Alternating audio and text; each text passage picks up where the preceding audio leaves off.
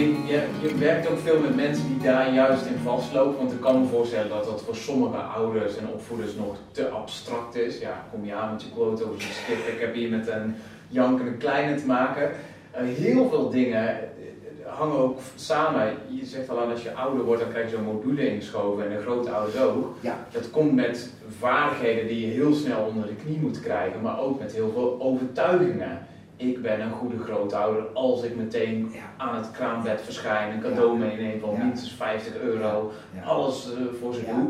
Dus ook heel veel grote overtuigingen komen mee in hoe je een opvoeder moet zijn. Hoe ga je daarmee om? Want je geeft ook heel veel trainingen aan opvoeders. Je gebruikt daarbij NLP. Misschien eerst aan de noten op wat is NLP en hoe kun je dat inzetten om overtuigingen updaten.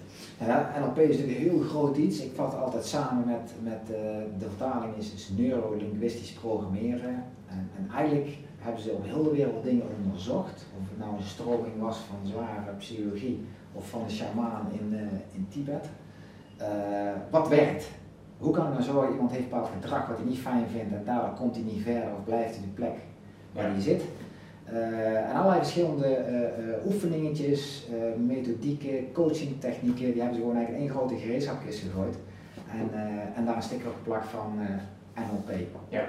En, en, en om het dan een klein beetje iets uitgebreider aan te geven, NLP heeft eigenlijk ook drie, drie dingen. Eentje van is van als hij of zij dat wel kan, dan moet ik het toch ook kunnen. Ja. Wat doet hij? En niet alleen van, van die heeft dat shirtje aan, maar ook hoe denkt hij?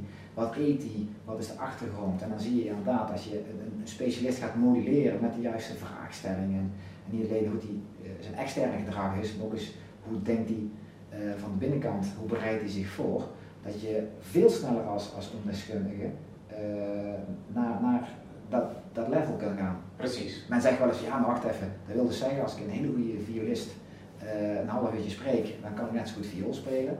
En nee, wacht even, als we over top Precies. praten, zit er ook nog 10.000 oefenuren in. Ja, en dat vergeet je Ja, dat is. 10 jaar lang drie op een dag, uh, lunch geloof ik, staan er zo. Um, ander stuk wat uh, NLP doet, is heel goed uitleggen hoe wij, uh, wij zitten in dit gesprek en als wij dat straks, jij vertelt vanavond tegen jouw partner, ik tegen mijne, dan klinkt het waarschijnlijk als een compleet twee verschillende verhalen. Ja. Omdat jij het heel anders beleeft dan ik. Ik vond het wel leuk en jij niet zo. Precies. En ik denk, oh, die vragen. Of andersom. Of andersom. Nee, precies. Uh, hoe zit het in elkaar? En, en waar die ervaring die we hebben intern, uit welke vijf dingen bestaan die, en als je dus weet, dan kun je daar ook nog verandering in brengen. En de derde pijler, en daar begon het eigenlijk mee, is, is uh, welke overtuigingen heb ik in mijn hoofd zitten, die er als kind af aan ingebracht zijn. Ja. Uh, zijn die nog goed? En als, ik ze, als ze mij niet meer bedienen, hoe kan ik ze veranderen? Ja. dat is een van de cliché voorbeelden.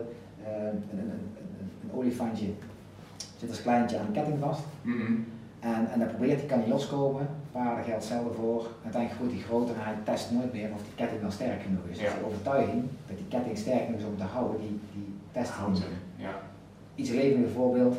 Als je 6, 7 jaar bent en je gelooft in Sinterklaas, dan is dat goed. Als je 35 bent, is dat niet meer zo handig.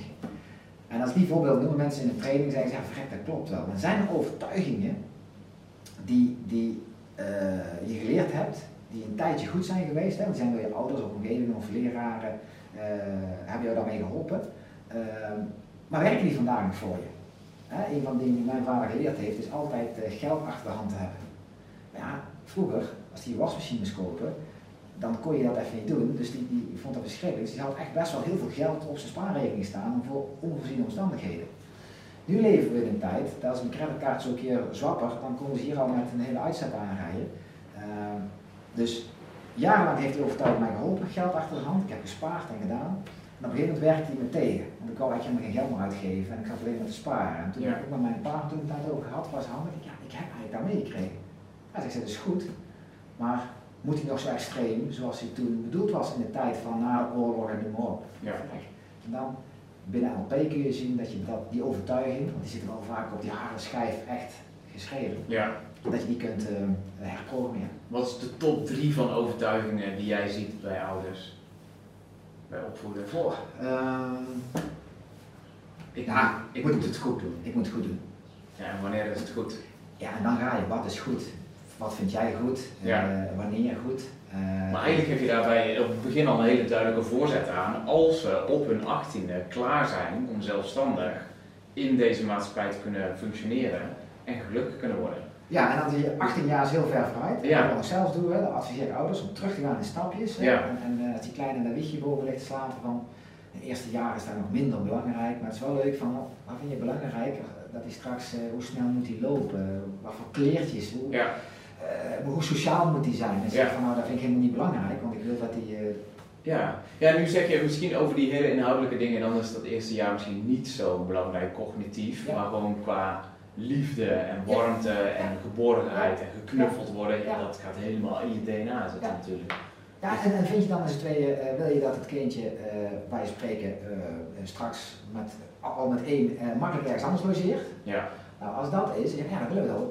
Dan moet je niet, zeg maar, de eerste zeven maanden het kindje bij jou tussenin laten slapen. Ja. Want dat betekent, als je dat doet, dat je het voor het kindje straks heel lastig maakt om in één te zeggen, ja nou als je twee, of nou moet het in één keer, hè, want papa en mama toevallig iets van het werk waar ze naartoe moeten, en dan moet het kindje in één keer zonder een, een stapjes ja. voorbereid die kant op gaan. Eigenlijk opvolgen ik, ik, ik, ik, ken ouders die hebben kinderen die, die, die, die, slapen eigenlijk bijna nergens en in één keer moeten ze dan op schoolkamp. Ja. Dat is altijd drama. Ja, dan denk ik als ouder, gefaald vind ik een te negatief woord, maar dan denk ik als je zegt van opvoeden is die stapjes staan, Qua zorg kun je zeggen, je hebt heel goed gezorgd, want het kindje is natuurlijk het fijnste tussenin en, en liefst comfortabel. Ja. Maar de afstand naar waar ze straks naartoe komen, krijg je in één keer een clash. Ja, en dan dus bereid ze daarop voor. Ja, ja. Dus dat is er één, ik wil het heel graag goed doen. Ja. Zijn er nog andere die te binnen schieten, een overtuiging? Uh,